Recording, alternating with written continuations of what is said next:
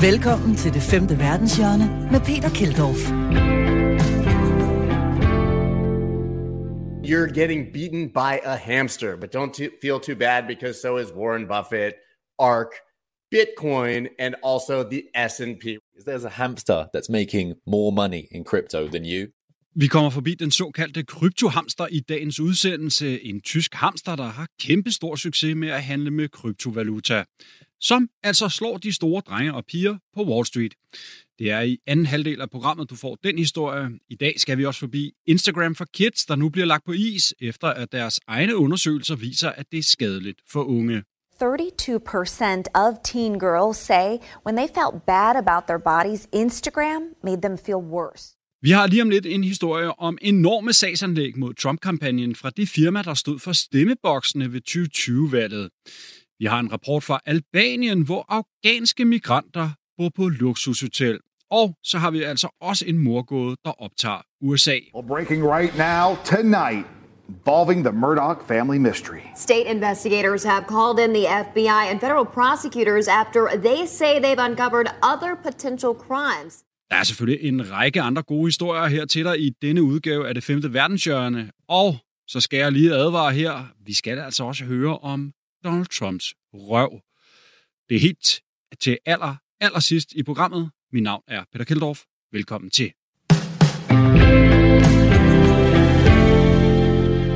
Vi starter i USA og Donald Trumps store løgn om valgsvindel ved præsidentvalget og en ny udvikling i sagen om de enorme sagsanlæg, som ejerne af de teknologiske stemmebokse har anlagt imod Trump-kampagnen. New reporting from the New York Times indicates that uh, there's evidence for something we already knew. The Trump campaign already knew that the claims of election fraud were complete and utter nonsense, even as the campaign's lawyers, people like Sidney Powell and uh, Giuliani, were doing press conferences repeating the lies of widespread voter fraud.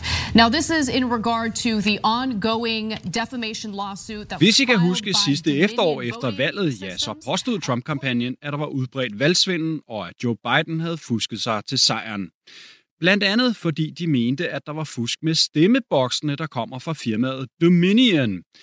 Dominion har så sagsøgt Trumps advokater på grund af de falske anklager, og i retssagen så er der altså kommet øh, nye dokumenter frem, der viser, at de selv samme Trump-advokater godt vidste, at der intet fusk var. Altså, så når de sagde, at der var fusk, jamen så vidste de allerede, at der intet fusk var. Hør her magasinet Slates juridiske kommentator Emily Bassanen, Bassalon hedder hun, om de nye dokumenter, der er kommet frem i sagen. Now we have this bombshell internal memo that's come out of this defamation lawsuit in which it turns out that the Trump campaign's internal efforts to figure out like oh is there anything to these crazy fraud allegations no indeed there was nothing and they knew it all along which I guess isn't surprising, but it's satisfying to have that. Lad os lige rulle tilbage til sidste look forward to efterår. Trump taber, men påstår valgsvindel. Hans advokater stiller sig op. Det gjorde de i øvrigt rigtig tit. Og påstår i det her tilfælde en helt absurd teori om, at kommunistiske Venezuela var indblandet i at fuske med Dominion-maskinerne. Lad os lige høre en af advokaterne fra november 2020.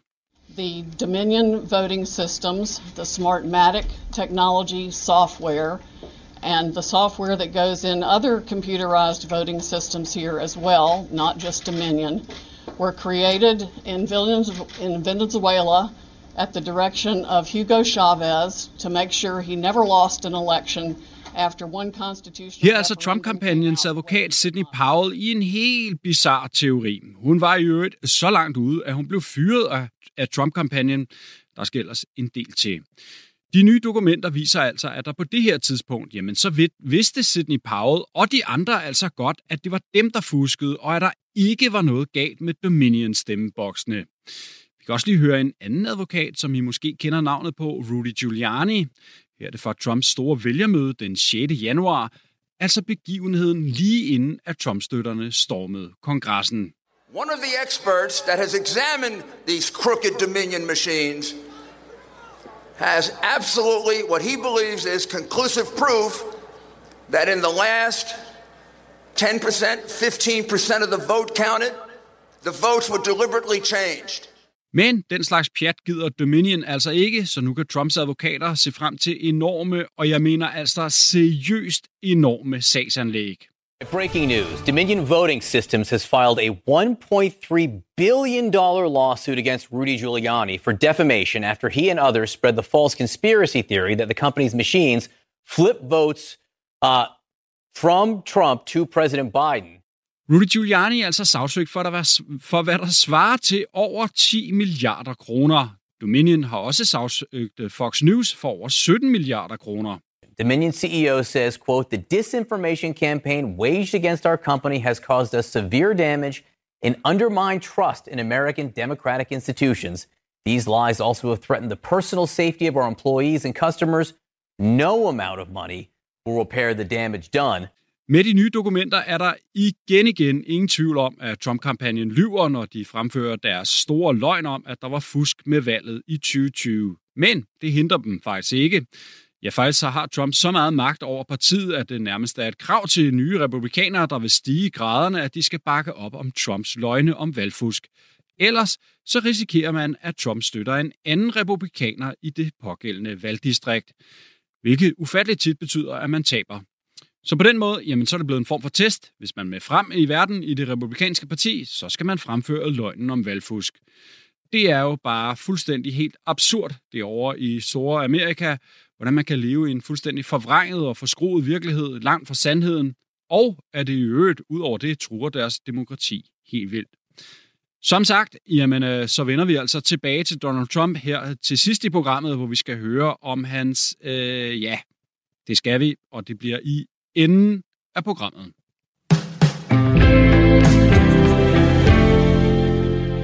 Nu skal vi til en historie om afghanske flygtninge i Albanien, der bor på luksushoteller med udsigt ud over Adriaterhavet. Albanien har nemlig indgået en aftale med USA om at huse 4.000 flygtninge, mens de venter på at, på at få behandlet deres visumansøgning til USA. Og nu bor de altså på luksushotel. Men lad os lige starte med at høre, hvordan det lød, da de afghanske flygtninge i sidste måned landede i Albanien. Hi, can everybody hear me? Hi, my name is Yuri Kim. I'm the American ambassador in Albania. I'm here with Alter Jachka, the foreign minister of Albania. We wanted to welcome you here to Albania. We hope you have a safe flight. The prime minister of the country, uh, Eddie Rama, is also downstairs waiting to welcome you. Thank you for being here. Her er altså den amerikanske ambassadør i landet, som over flyets højtaleranlæg blev flygtningene velkomne, ligesom de var landet. De er altså ankommet til Albanien efter at være flygtet ud af Afghanistan, da Taliban indtog landet midt i august. Forleden talte jeg med Martin Selsø, udenrigsjournalist hos TV2, der har været nede og besøge luksushotellerne og albanerne, der bor der. Jeg fangede Martin i Tiranas lufthavn. Jamen, det er jo et øh, resort, der hedder Raffaello, som er populært både blandt øh, albanere fra hovedstaden Tirana og fra Kosovarer, som kommer op øh, fra Kosovo nordpå, og vi mødte også en del ukrainere, som øh, var der på for lige at nyde de sidste, øh, de sidste sommerdage. Øh, og der har man altså fra den albanske regerings side valgt at indkvartere forløbig 700-800 øh, afghanske flygtninge, og man forventer, der kommer mange flere til, fordi Albanien har øh, tilbudt at tage imod op til 4.000 øh, flygtninge fra, øh, fra Afghanistan. Så det er et, øh, et hotel, der pludselig har fået besøg af nogle helt andre mennesker, end, end de er vant til at have, og derfor så er øh, poolområdet nu fuldt af i stedet for at der kun er kvinder i øh, bikinier og mænd i badetøj og shorts og sådan noget, så er der nu også øh, øh, masser af kvinder med hovedtørklæde og øh, mænd i lange bukser og skjorter og sådan noget, der øh, driver rundt langs med, øh, øh, med pool der og er ved at vende sig til en helt ny tilværelse som flygtning. Og hvad kunne de så fortælle dig, de der øh, flygtninge, der var øh, på hotellet? Først og fremmest at de er utrolig glade for at øh, være i Albanien, for at Albanien har taget imod dem. Øh, øh, det er de først og fremmest meget glade for. Så er de selvfølgelig også imponeret over forholdene. De kender jo godt til de forhold, som afghanere bliver mødt med andre steder, enten mure eller hegn, eller øh, mere simple flygtningelejre. Men her har de altså øh, luksusforhold, øh, og det er de glade for, og det byder de så også af med at øh, plaske rundt i poolen og gå på stranden og tage løbeture og sådan noget. Så det er nogle, nogle meget glade flygtninge indtil videre. Og hvorfor er det, at Albanien har valgt at gøre det på den her måde? Det er jo noget anderledes end, øh, hvad flygtninge er vant til, og hvordan øh, andre lande behandler folk, der kommer til deres land. Altså, grunden til, at de har taget dem ind, er øh, dels, at øh, Albanien som øh, NATO-medlem føler en forpligtelse over for de her afghanere. Mange af dem, der er kommet her, er jo nogen, som har hjulpet NATO i forskellige kapaciteter, øh, og dermed også hjulpet albanske styrker. Og man føler altså en forpligtelse til at hjælpe dem, når de er kommet i problemer på grund af den fælles mission, som NATO og øh, de her afghanere har haft øh, i Afghanistan. Så er der også flere, der sagde, at øh, de føler også måske en, en særlig forbindelse til afghanerne, fordi albanerne selv har kæmpet for demokrati efter kommunismen i 90'erne, selv er gået igennem store kriser. Selvfølgelig ikke lige så alvorlige som i Afghanistan, men dog alvorlige kriser, der har ført til, at øh, mange tusind, hundredtusind albanere har øh, i lange perioder, og nogen også for evigt, øh, forladt deres land. Så når der pludselig står nogle afghanere her, der har et problem, som de synes minder om de problemer, som de også har haft i Afghanistan, øh, undskyld, som de også har haft i Albanien, øh, så føler man altså en, en øh, forpligtelse til at hjælpe. Og så er der nok også et element af, at øh, Albanien gerne vil stå så godt med USA. Øh, Albanien er et pro-amerikansk land, meget mere end, tror jeg, noget andet land øh, i Europa. Den albanske premierminister har jo også været ude og sige noget til blandt andet til New York Times. Han siger, at øh, vi putter ikke mennesker i lejre. Øh, det er menneskeligt ødelæggende, og alle de psykologiske problemer starter her. Og vi har været igennem det mange gange i vores egen historie, som du var inde på tidligere. De her mennesker, de prøver bare at undslippe for et rent helvede har Edi Rama sagt i, altså i et interview med New York Times. Så det er jo også en øh, helt anden tilgang til det, end, øh, end vi ser mange andre steder. Er der sådan, et, øh, er der sådan noget signalværdi, ud over signalværdi til amerikanerne, er der også noget til Europa i det her? Der er helt sikkert et signal til Europa. Øh, Albanien vil gerne være en del af det europæiske fællesskab, og vil gerne være med til at løse de øh, opgaver og de problemer, som Europa står med. Og det her det er jo en måde at markere sig på at sige, at man kan tage et ansvar øh, på et område, hvor Europa har, helt, har meget store problemer, flygtningeområdet. Og hvad så med de her kære afghanere, som nu er øh, på det her luksushoteller der med udsigt ud over havet og alt muligt? Hvad, hvad er ligesom, øh, hvordan ser det ud for dem? Hvad, hvad kan de forvente i den nærmeste fremtid? Ja, tidsplanen er skrevet lidt for dem. Altså, det hed i starten, at de skulle være her nogle uger eller måneder. Det er så senere blevet til et halvt år, et helt år. Nu taler man måske op til to år. Det tager ganske lang tid at få visum til, øh, til USA, og det er det, der ligesom kommer til at trække ud for dem formentlig. Øhm, der er også den risiko, at de slet ikke får visum til USA. De havnet her, fordi USA mener, at de har en rimelig chance for at få det, men der er ingen garantier.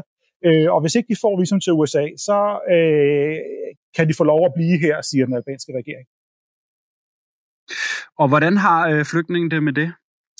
Jamen det må de jo tage i stiv arm indtil videre. Altså, øh, de har kun været her nogle uger, dem der har været her længst. Nogle har kun været her nogle få, få dage. Der kommer løbende fly med, med flere øh, afghanere til, og det vil sige, de er jo kun lige en proces med at vende sig til det med at være flygtning. Altså for 4-5 uger siden var der jo ingen af de her mennesker, der forestillede sig, at de skulle flygte over hals og hoved og pludselig til at skabe sig en ny tilværelse et andet sted. Så de, de vender sig ligesom til det stille og roligt. Jeg tror, hvis vi kommer tilbage og ser til dem igen om nogle uger eller måneder, øh, og de ligesom har vendt sig til den her luksustilværelse og ensformigheden i det i at bo på sådan et hotel der uden for sæsonen, når det bliver koldt og regnfuldt hernede også, øh, så kan det være, at de ser anderledes på det. Men indtil videre er der øh, optimisme og begejstring og en tro på fremtiden. Og hvad så, hvis det ikke bliver til den øh, amerikanske drøm om, altså de for eksempel får et visum, og de for eksempel må blive op Albanien? Hvad, hvad siger de til det? Jamen, øh, det siger de også, at hvis det, hvis det bliver sådan, så må det være sådan, øh, så vil de kaste sig ud i det i albanske samfund og prøve at få det til at fungere her. Men der er også nogen, der siger, hvis ikke det bliver Vesten, øh, så håber de på, at Afghanistan igen bliver et sted, hvor øh, de kan bo, altså hvor de kan få en, en, en højere grad af personlig frihed, øh, ytringsfrihed og sådan, end der lige nu er lagt op til øh, fra, fra Taliban-styret. Så det at vende tilbage til Afghanistan er ikke udelukket.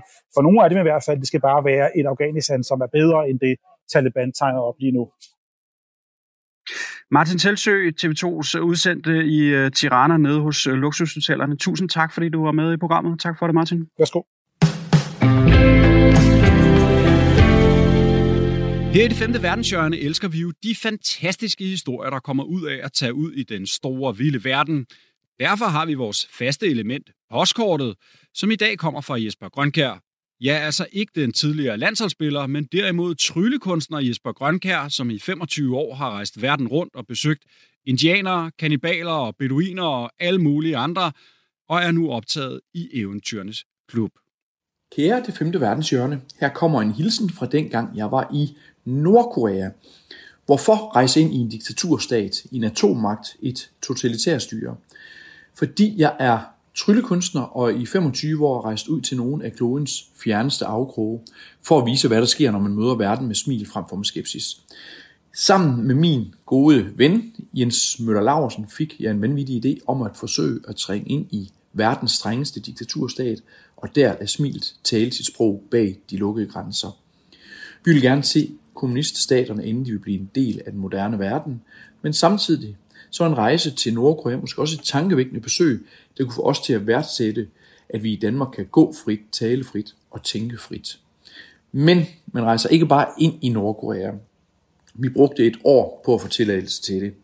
Og langt om længe, en septemberdag, sad vi i en togkupé på vej fra hovedstaden Beijing i Kina til Pyongyang i Nordkorea.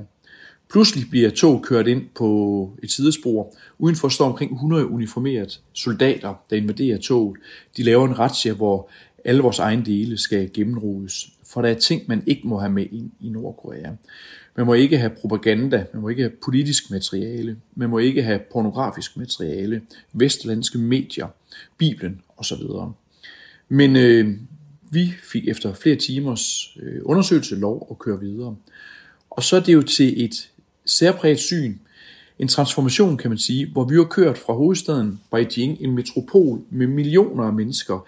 Der er biler over det hele, der er mennesker over det hele, der er øh, larm, der er stress, der er jag, der er lysreklamer. Jamen så kommer vi ud over landet i Nordkorea. Husene er pludselig små, skæve betonhuse. Der er ingen biler på vejene. Folk de går, i bedste fald cykler de. Folk er i tageligt tøj, ligger og arbejder på alle fire ude på marken, kører i oksekære og med æselspand. Øh, små, krumrygge, hulkinde mennesker som produkt af mange års hungersnød. Vi er fortsat kom videre til hovedstaden Pyongyang, hvor vi blev mandsopdækket af to vagter. I de uger ved Vejland måtte vi ikke gå selv, bestemme selv eller tænke selv. Passet blev taget fra os, og vi blev lukket ind om aftenen. Bevæbnede vagter de, øh, stod uden for døren. Vi måtte ikke tale med de lokale, vi måtte ikke fotografere dem, vi måtte ikke bestemme, hvad vi skulle se, hvornår vi skulle spise, hvordan vi skulle spise. Vi måtte ingen, intet ud over og kunne se alle det forhærlige landet og deres ledere fra Kim-dynastiet. Så hver morgen, meget meget tidligt, blev vi vækket, sat i en bil med vores chauffør og de to vagter, og så kørte vi afsted 8, 10, 12, 14 timer. Og det vi fik at se, det var Kim, Kim, Kim alle vejene. Kim Il-sung, der grundlagde Nordkorea, øh, blev født i 1912, og det var så der Nordkoreas tidsregning startede, så ret beset er de i år 109 i øjeblikket. Og Kim er repræsenteret overalt. Der er guldstatuer, omkring 40.000 statuer i landet. Han er på mosaikker, han er på plakater, han er på vimpler, han er overalt. Den normale nordkoreaner fejrer ikke fødselsdag. Den eneste, man fejrer, det er faktisk Kim. Og på hans dag, jamen så får man lidt gaver, lidt tøj og lidt mad.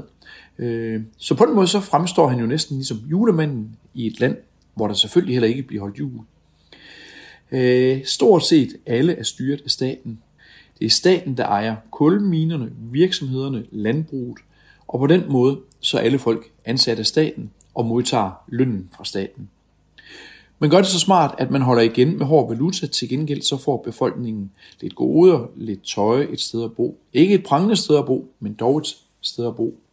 Og i det hus, eller den lejlighed, hvor der i øvrigt er indbygget højtaler i væggen, så staten hele døgnet rundt har mulighed for at spille øh, propagandamusik eller marsmusik eller komme af med politiske budskaber, der er det også lovpligtigt, at der på den ene endevæg skal hænge et indrammet billede af Kim Il-sung.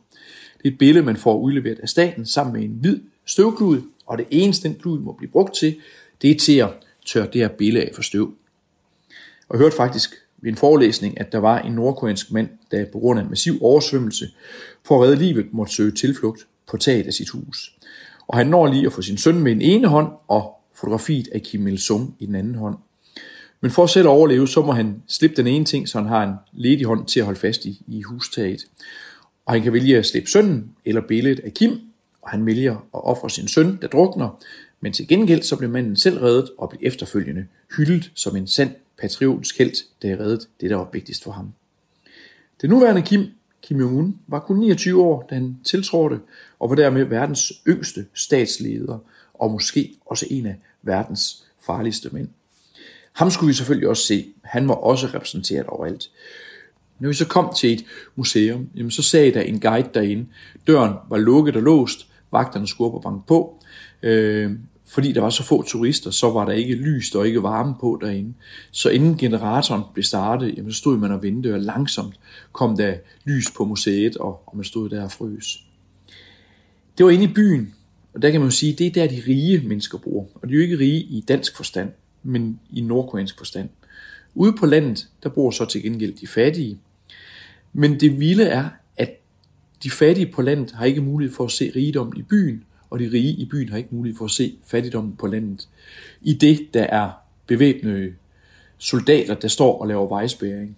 På den måde tror alle folk, at de lever stort set ligesom alle andre. Og hvis man er i et land, hvad der er tilfældet her, hvor der ikke er internet, hvor der alle aviser de er censureret, der er kun ganske få tv-kanaler, det er regeringen, der bestemmer, hvad der må vises, og bøger, de er også censureret, jamen så har du ikke mulighed for at danne dig et indtryk af, af omverdenen. Jeg talte med en afhopper senere, som fortalte, at han havde gået i skole i 14 år, han har aldrig hørt om andet end Nordkorea, Nordkorea, Nordkorea. Og når man så samtidig, som vagterne også fortalte os, for at vide, at vi bor i verdens rigeste land, vi er verdens lykkeligste folk, andre landes befolkning, de er med sund jord, de ikke må komme herind, jamen så er det klart, så har man ikke andre muligheder end at tro på det. I et land, hvor alle mænd aftjener øh, 10 års værnepligt, og derfor er det et land, forholdsvis lille land, der trods alt har en her på mere end 1 million soldater, samt en reserve på 8,5 millioner mænd og kvinder. Og det trods landet ikke har været i krig siden 1953. Og jeg var jo kommet for at optræde. Lykkedes det så? Jamen, et stykke hen ad vejen. Øh, jeg var ude på en skole, hvor øh, eleverne i starten ikke turde smile, turde ikke grine, før rektor sagde, at det var i orden, så turde de godt at åbne op. Jeg fik lov til at lave nogle ganske, ganske få offentlige shows øh, i byen, men hver gang det begyndte at blive sjov, hver gang det begyndte at tiltrække sig lidt opmærksomhed, jamen så kom vagterne, og jeg blev stoppet. Det var som om, det måtte ikke tiltrække sig for meget opmærksomhed. Og derfor, da jeg kom hjem fra rejsen, tænkte jeg, at jeg ville gerne skrive en ny bog. Jeg skrev en tidligere rejsebøger, men har jo ikke fået et ordentligt billede af det nordkoreanske samfund, fordi jeg som en statist var blevet ført bag kulisserne i et totalt teater. Så jeg brugte et år på at opspore og opsøge nogle af de nordkoreanske afhopper, der lever under hemmelige identiteter. Og helt unikt åbnede de op og gav et uhyggeligt indblik i det reelle Nordkorea. Alt det, som mine vagter de afskærmede mig fra at se. Og det er førstehåndsberetninger om deres livsfarlige flugt, om hungersnød, om tortur, menneskehandel, tvungen prostitution, arrangerede ægteskaber, mor med mere. En af mine kilder, han sagde fire år i et fangelejr. Han fortalte om, hvordan der var så mange mennesker inde i sovesalen i de her kæmpe fangelejre, hvor øh, der er op imod 70.000 fanger, hvilket den nordkoreanske regering nægter eksistensen af. Man var så mange om natten, at man ikke kunne ligge ned og sove, man måtte sidde og sove på skift op af hinanden. Folk de døde af udmattelse. Der kom rotterne, de var også sultne, de begyndte at spise af line, starte med øjnene, fordi det var det blødeste. Og deres spille er jo dermed et betydeligt andet end det, min vagter de fortalte mig. For igen og igen forlod det, du er kommet til verdens bedste land. Så på den måde så er humoren en distance, man tager sig til virkeligheden. Og når man står med sådan en nordkoreansk soldat, der har lært siden hun er lille, hun må ikke vise empati, hun må ikke bruge medfølelse, hun må ikke bruge humor. Når hun alligevel bryder grinende sammen, så vil jeg våge at påstå, så er det jo ikke længere soldat, man ser så er det mennesket bag masken. Og det er det smil kan gøre, det kan få facaderne til at krakelere. Og det var mit lille radiofoniske postkort fra diktaturstaten Nordkorea. Velkommen til det femte verdenshjørne med Peter Keldorf. A hamster has been trading cryptocurrencies in a cage, rigged to automatically buy and sell tokens since June, and it's currently outperforming the S&P 500, not just the S&P 500. Vi skal altså forbi den såkaldte kryptohamster her i anden halvdel af programmet. Der er også Facebook, der er kommet i skudlinjen igen igen på grund af Instagrams, som Facebook altså ejer, Instagrams effekt på teenager. Og så skal vi også høre om Donald Trumps røv. Ja, sorry for det, men øh, det skal vi altså, og det kommer helt til sidst i programmet. Men først en morgåde, der optager store dele af USA. Well, breaking right now, tonight, involving the Murdoch family mystery. State investigators have called in the FBI and federal prosecutors after they say they've uncovered other potential crimes that warrant further investigation. The discovery was made while investigating the deaths of Paul and Maggie Murdoch. There were no specifics on what those potential crimes were or who might be involved. Så er vi altså i gang med historien om The Murdoch Mystery, eller The Murdoch Murders, der omhandler en stor og magtfuld familie i delstaten South Carolina. Murdoch-familien er et dynasti, der har tilhørt toppen af delstatens samfund i omkring 100 år, fordi de siden 1906 har siddet på posten som statens øverste anklager og, indtil for nylig, har stået i spidsen for et meget succesfuldt advokatfirma. Men nu ramler dynastiet, mor, skeletter og bizarre hændelser vælter ud af skabene. Tonight, we'll break down the timeline of events from the decades of power to the multiple investigations. And so it makes you wonder okay, is this alleged shooting connected in some way to the death of his son and his wife? From the beginning to the most recent developments. Obviously, uh, everything is up for question now. Including two deaths now being revisited by state investigators. And what's next for Alec Murdoch? This is a kind of story that really has no good ending. Murdoch, Death and Deceit starts now. Forleden talte jeg med Mikkel Danielsen, Berlingskes korrespondent i USA, der har dækket sagen om The Murdoch Mystery. Og så lige pludselig en dag i juni, så krakelerer det her øh, familiedynasti. Øh, faren i familien, det er Alex Murdoch. Han ringer øh, 911, og han fortæller, at han har fundet sin hustru Maggie og sin søn Paul skuddræbt på familiens øh, store ejendom. Og konen er blevet dræbt med et automatvåben, sønnen er blevet dræbt med et jagtgevær, og, og det er en kæmpe tragedie, og det er en stor historie i, i South Carolina, hvor, hvor Murdoch-familien er, øhm, er meget berømte. Og, ja, de er nærmest sådan, sådan tager... old money royale nærmest, ikke? Er det ikke der, vi er? Jo, øh, jo det er de. Altså, de, de, de, de, de kender alle, de kender øh, betjentene, de kender politikerne, øh, og, og, og alle kender dem og ved, hvem de er.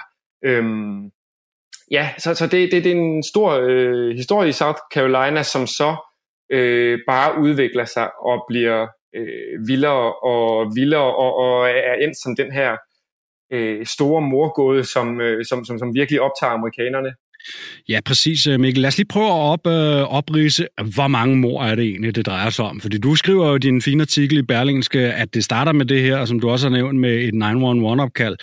Men så kommer der hurtigt nogle skeletter ud af skabene. Prøv lige at rise op, øh, hvor mange er det egentlig, som vi nu er oppe og tale om, at der, der er tvivl om, og der skal undersøges? Og... Øh, jamen, vi taler om to drab, og så taler vi om mindst to mystiske dødsfald, som ingen rigtig nu kan regne ud, om er, er dødsfald øh, eller mor. Øhm, det, der sker i, i, i den her sag, er, at, at politiet er meget stille i de første mange uger efter drabet på, på øh, hustru og søn. Og så lige pludselig så kommer de med en øh, melding om, at de bliver nødt til at åbne en øh, gammel sag. Og det er en sag fra 2015, hvor en 19-årig dreng bliver fundet dræbt øh, i vejkanten tæt på øh, Murdoch-ejendommen. Han har øh, alvorlige hovedskader, og hans død blev dengang vurderet som et øh, trafikuheld. Man mente, han var blevet ramt af en bil. Og nu er politiet så ikke længere øh, sikker på, hvad der er sket. Øhm, den unge mand var homoseksuel, og hans mor har altid sagt, at han var blevet øh, dræbt, øh, at han var blevet udsat for en hadforbrydelse. Øh, hun siger også, at det var nogle unge fra prestigefyldte familier, der, der stod bag.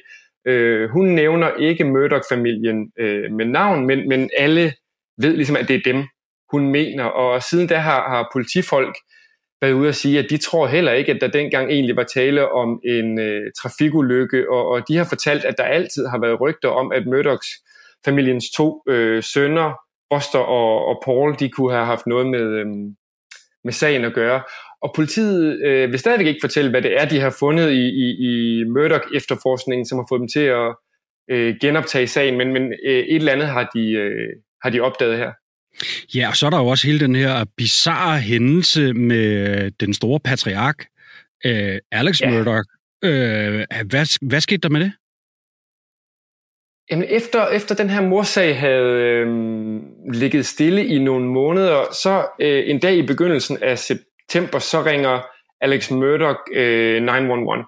Han fortæller, at han står på en øde landevej, og han siger, at han lige er blevet skudt i hovedet. Øh, han fortæller, at han har været i gang med at skifte dæk på sin bil, da nogen øh, er kørt forbi ham og har skudt ham. At han har fået et, et øh, stort snitsår i hovedet.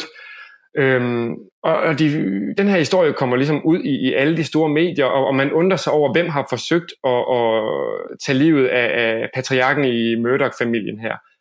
Øhm, og efter en uges tid, så foretager politiet så to anholdelser i sagen. De anholder den mand, de mener, der har skudt Alex Murdoch, og de anholder også Alex Murdoch selv. Øh, det viser sig, at, at øh, Alex Murdoch har forsøgt at iscenesætte sit eget selvmord som et mor. Øh, han har fået en ældre mand, en tidligere klient fra lokalområdet, til at øh, skyde ham. Og Alex Murdoch, som havde mistet sin, sin, sin hustru og, og sin søn, har været øh, meget langt ude, og, og øh, han mente, at hans søn Buster ikke ville få en krone af hans øh, egen, øh, en, en krone af livsforsikringen, hvis han tog sit eget liv, men han mente, at sønnen ville få hele hans liv, livsforsikring på 10 millioner dollar, hvis han blev dræbt. Øh, og derfor har han så forsøgt at sen, i scenesætte øh, sit eget mor, og, og, og det har han øh, erkendt i dag. Ja, det var øhm. fordi han blev fyret øh, hvad skal man sige, dagen før øh, selvmordsforsøget, ikke? Øh, på jo, grund af noget, også noget, noget, sådan noget semifusk i det der meget øh, højt berømmede advokatfirma, som man har været med til at køre, eller familien har kørt i generationer. Ja, hans kolleger i, i, i familiens advokatfirma opdager, at Alex Murdoch øh, over en længere årrække har stjålet øh, mange penge fra kassen. Det, det drejer sig formentlig om millioner, som han har brugt på at finansiere et, et hæftigt misbrug af opiater. Altså det her stærkt vane, den øh, farlige smertestillende medicin, som millioner af amerikanere er blevet øh, afhængige af. Øhm, så den, den, den øh, sag kører også mod, mod øh, Alex Murdoch nu. Ja, og så øh, endnu en sådan oprulning. Der er også noget med en hushjælp. Altså, det fortsætter jo det her. Det, man kan jo blive ved med at opremse, men der er også noget med en hushjælp, ikke? Jo, det, det, det er rigtigt. Efter, øh, efter Alex Murdoch bliver, bliver anholdt for, for, øh, for at have iscenesat sit eget mor, så, så må politiet fortælle, at nu er der altså endnu et dødsfald, som de bliver nødt til at se nærmere på. I 2018, der mistede øh, Murdoch-familiens hushjælp øh, livet i en, hvad man i hvert fald troede var en snubleulykke, at hun simpelthen faldt ned af, af trappen, men det er politiet ikke så sikker på længere, at det er det, der er sket. I hvert fald så øh, er, de gået ind i en, en større efterforskning af, hvad det i virkeligheden er, der er sket med den her øh, hushjælp. Sindssygt. Du stiller selv spørgsmålet i din artikel, øh, Mikkel. Øh, har det været muligt at efterforske en, en Murdoch? Altså har det simpelthen, har de været too big to fail, altså man siger i finansverdenen, altså simpelthen for stor en familie i den delstat til at, øh, og for meget sådan indflydelse magtmæssigt til, at man har kunne efterforske dem? der er i hvert fald ikke nogen tvivl om, at, at det er det spørgsmål, man stiller sig selv i, i, i South Carolina nu. Øhm, og med til den historie hører faktisk, at, at øh, Paul Murdoch, det, den her søn, der, der øh, blev dræbt på, på ejendommen, han var i 2018 involveret i en øh, bådulykke, hvor han stærkt beruset sætter sig ned øh, i en speedbåd sammen med, med fem venner. Han øh, fører båden, og, og knaller så båden direkte ind i en, en bro, og der er en ung kvinde, der mister livet her.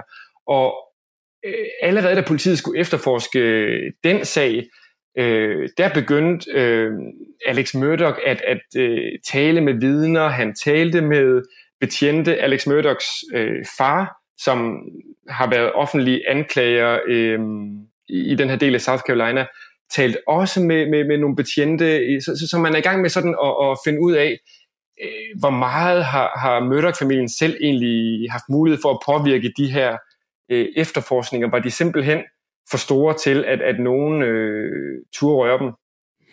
Og hvor står øh, sagen så øh, nu i dag? Altså skal ham der patriark øh, Alex Murdoch, skal han, skal han for retten, eller hvad? Eller det har han måske allerede i gang med?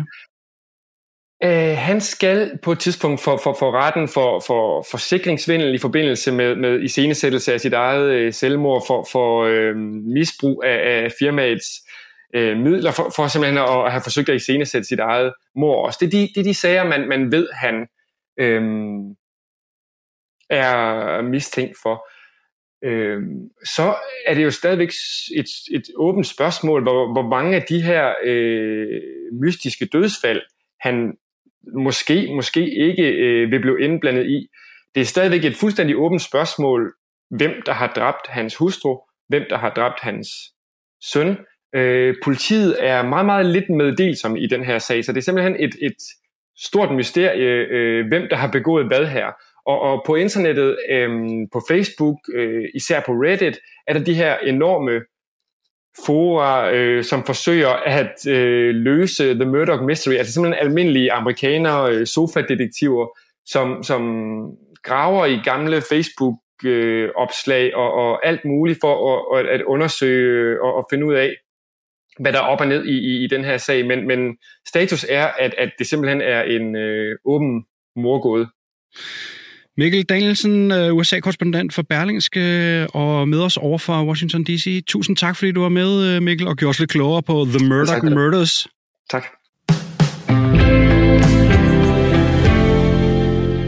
Så kigger vi lidt mod Tyskland og en hamster, der handler med kryptovaluta. Og han gør det rigtig godt. First of all, the most important news of the day is there's a hamster that's making more money in crypto than you. So what's that about? His name is Mr. Gox, and he's a hamster that's beating human investors. Mr. Gox, som hamsteren hedder, sidder i sit bur og handler med krypto, og slår altså de helt store drenge og piger på Wall Street. You're getting beaten by a hamster, but don't feel too bad because so is Warren Buffett, ARK, Bitcoin and also the S&P. We're going to talk Som vi hørte, så har hamsteren altså tjent mere på kryptoinvesteringerne, end storinvestoren Warren Buffett har tjent i samme periode. Og hamsteren er gået mere op end S&P 500, indekset over 500 store amerikanske virksomheder. Den måde, som Mr. Gox udvælger, udvælger undskyld, sine kryptohandler på, er, at han løber en tur på sit hamsterhjul, hvor han så udvælger en bestemt kryptovaluta, for eksempel Bitcoin eller Ethereum. Der er jo mange af de her forskellige slags øh, kryptovalutaer. Så er der så øh, to tunneller, en med ordet køb og en med ordet selv på. Hamsteren løber igennem en af tunnellerne, som så afgør, hvorvidt han skal købe eller sælge for 20 euro af den pågældende kryptovaluta. A hamster has been trading cryptocurrencies in a cage, rigged to automatically buy and sell tokens since June, and it's currently outperforming the S&P 500, not just the S&P 500 guys, not just the S&P 500, it's also outperformed Bitcoin, a lot of other things. Pretty crazy. They are up since June, I believe what is it? June 12th is when it started trading. It's up 24%, the hamster. So what does this mean though? What does this mean? Because we all hear that trading is hard. Well, apparently trading is hard unless you're a German rodent. But if you're a human, trading is very hard. There's a lot of emotion involved. We make bad decisions. Hamsters probably not making emotional decisions. Bagefter at hamsteren har lavet sine valg, så laver hamsterens ejer selve indkøbene. Ejeren vil i øvrigt forblive anonym, men du kan følge Mr. Gox, altså hamsteren, på livestreamingerne på Twitch. Der kan du se hamsterhjulet, de to tunneller, hvor der står, står buy og sell på hver sin tunnel. Der er også et skilt med navnet Gox Capital på. Han er bare en kæmpe kendis, ham kryptohamsteren fra Tyskland.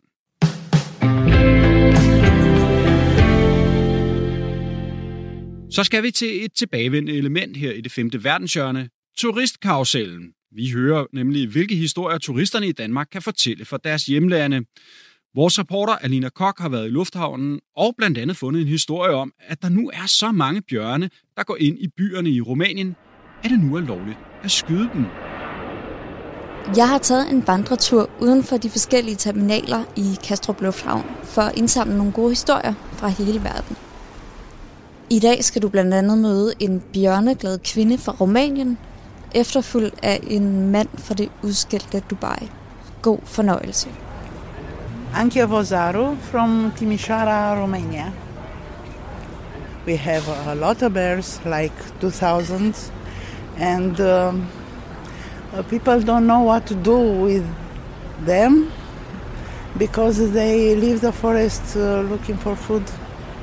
And um, now our authorities decided to shut them if they came in uh, the household. Anki har ret i, at Rumænien huser en stor andel af Europas bjørne. Uden for Rusland har Rumænien Europas største population af bjørne. Men det er faktisk omkring tre gange så mange, som Anki nævner. Nemlig 6.000 brune bjørne. På hjemmesiden The Animal Reader kan man læse, at de rumænske myndigheder i slutningen af juli måned i år har givet byerne lov til at skyde og dræbe de bjørne, som forvilder sig ind i haver og huse i deres søgen efter mad. There is a lot of saying in our media about uh, our bears, you know.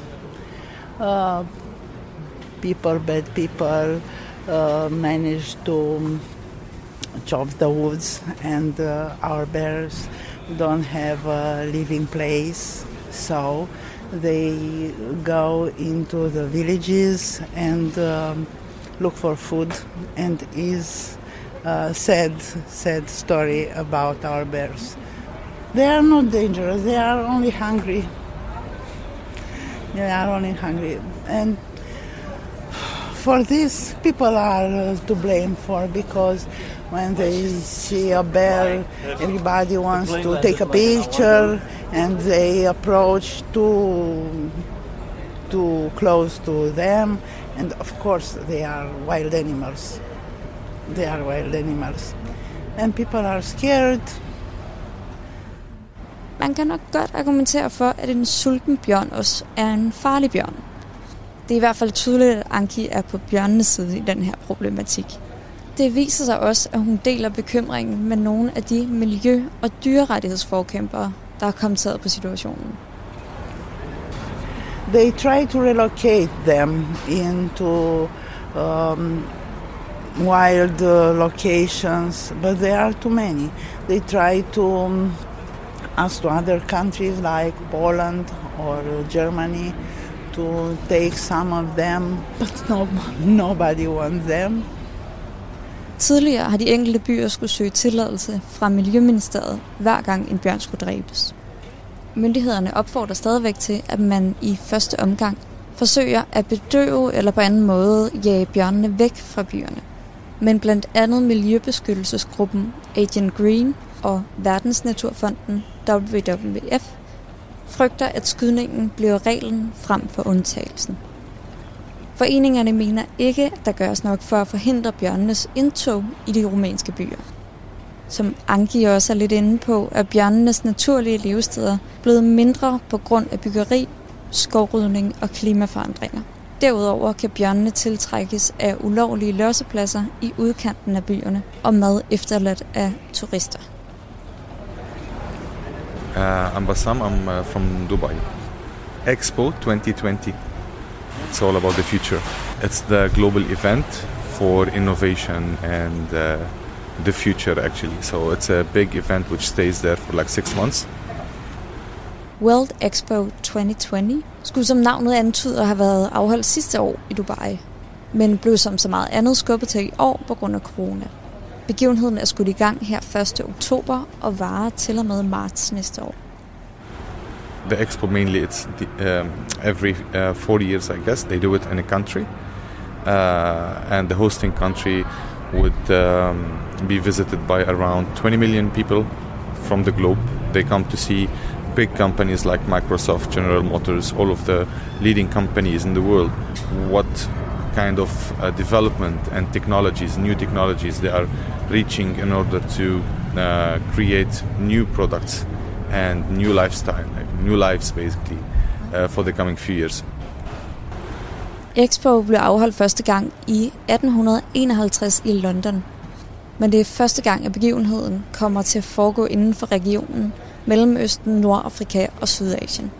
Så det er ikke så underligt, at Bassam taler så entusiastisk omkring eventet. I'm gonna go and visit definitely, yeah, to see what's the future of the artificial intelligence, the AI mainly, Yeah. and how it's being implemented in the daily life of people. Men hvad Bassam ikke kommer ind på, er den modvilje og de betænkeligheder, som man har blandt andet i Europa, på grund af de brud på menneskerettigheder, som også debatteres i forhold til afholdelsen af VM i Katar næste år. Det har resulteret i, at man fra Europaparlamentets side opfordrer alle internationale virksomheder, der sponsorerer Expo 2020, til at trække deres støtte og til at alle medlemslande undlader at deltage, for at manifestere sin misbilligelse over for de brud på menneskerettigheder, som finder sted i de forenede arabiske emirater. Samtidig opfordrer man også til at stoppe alt salg og eksport af overvågningsudstyr til regeringen i Abu Dhabi. Hvad det hele ender med, hvilke lande og virksomheder, der ender med at trække sig, vil vi snart få at se. Det var altså vores reporter Alina Kok, der havde været en tur på turistkarusellen. Facebook says it's pausing work on Instagram Kids. We brought you this as breaking news yesterday morning. And this is happening after a recent Wall Street Journal investigation on potential negative effects of social media and the platform may have on teens. Så er vi i gang med historien om, at Facebook, der ejer Instagram, nu trækker platformen Instagram for Kids, en børneudgave af Instagram. De lægger altså arbejde med det på hold. Det var altså ikke udkommet endnu. Øh, og det sker altså, den her udvikling sker altså efter afsløringer af Facebooks egen research, der viser, at Instagram kan have negativ effekt på teenagepiger. En tredjedel af pigerne siger nemlig, at de får det mentalt dårligere af at bruge Instagram, der har over en milliard profiler verden over. Det er avisen Wall Street Journal, der har historien. De har nemlig fået adgang til Instagrams egne undersøgelser om, hvordan det sociale medie påvirker unge. The Instagram research that was released by the journal that was doing this investigation said 32% of teen girls say when they felt bad about their bodies, Instagram made them feel worse. I sidste uge endte Facebook så igen igen, skal jeg vil sige, på skolebænken foran den amerikanske kongres, det gør den nemlig tit, for at svare på, hvordan deres platforme påvirker unge. Her er det senator Richard Blumenthal, som fortæller, at en whistleblower kom til ham og fortalte om Facebook og dermed altså også Instagrams egen research, der i lang tid har vist negativ effekt på teenagere. Thanks to documents provided by that whistleblower, as well as extensive public reporting by the Wall Street Journal and others, we now have deep insight into Facebook's relentless campaign to recruit and exploit young users. We now know, while Facebook publicly denies that Instagram is deeply harmful for teens, privately, Facebook researchers and experts have been ringing the alarm for years. We now know that Facebook routinely puts profits ahead of kids' online safety.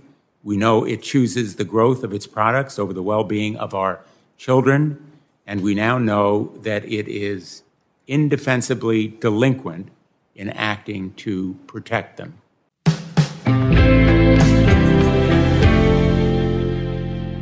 There's another book about Donald Trump because we just didn't have enough. Vi slutter programmet med en historie om endnu en bog om Donald Trump. Og hvis du så sidder derude og tænker, hold nu op, Kjeldorf, det der med den der Bob Woodward-bog, det kom altså ud for to uger siden, det gider vi ikke høre om mere.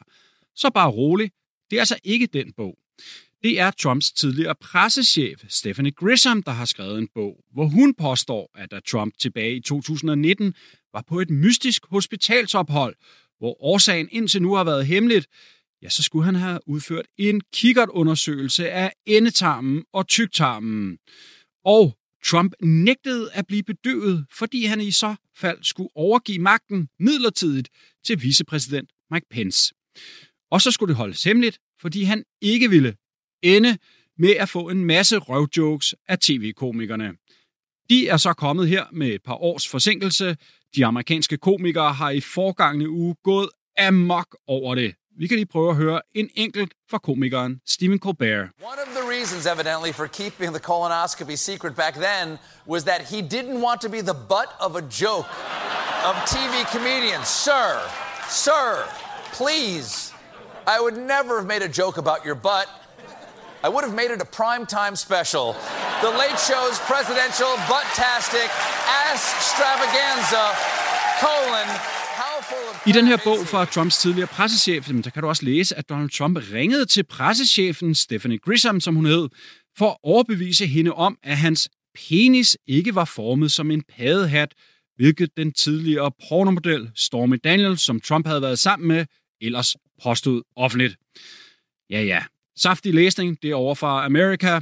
Der er meget mere saftigt det femte verdenshjørne i næste uge. Vi sender hver mandag kl. 10-11, og så kan du bare finde os derude på podcast. Det her program er produceret af Beam Audio Agency for Radio 4.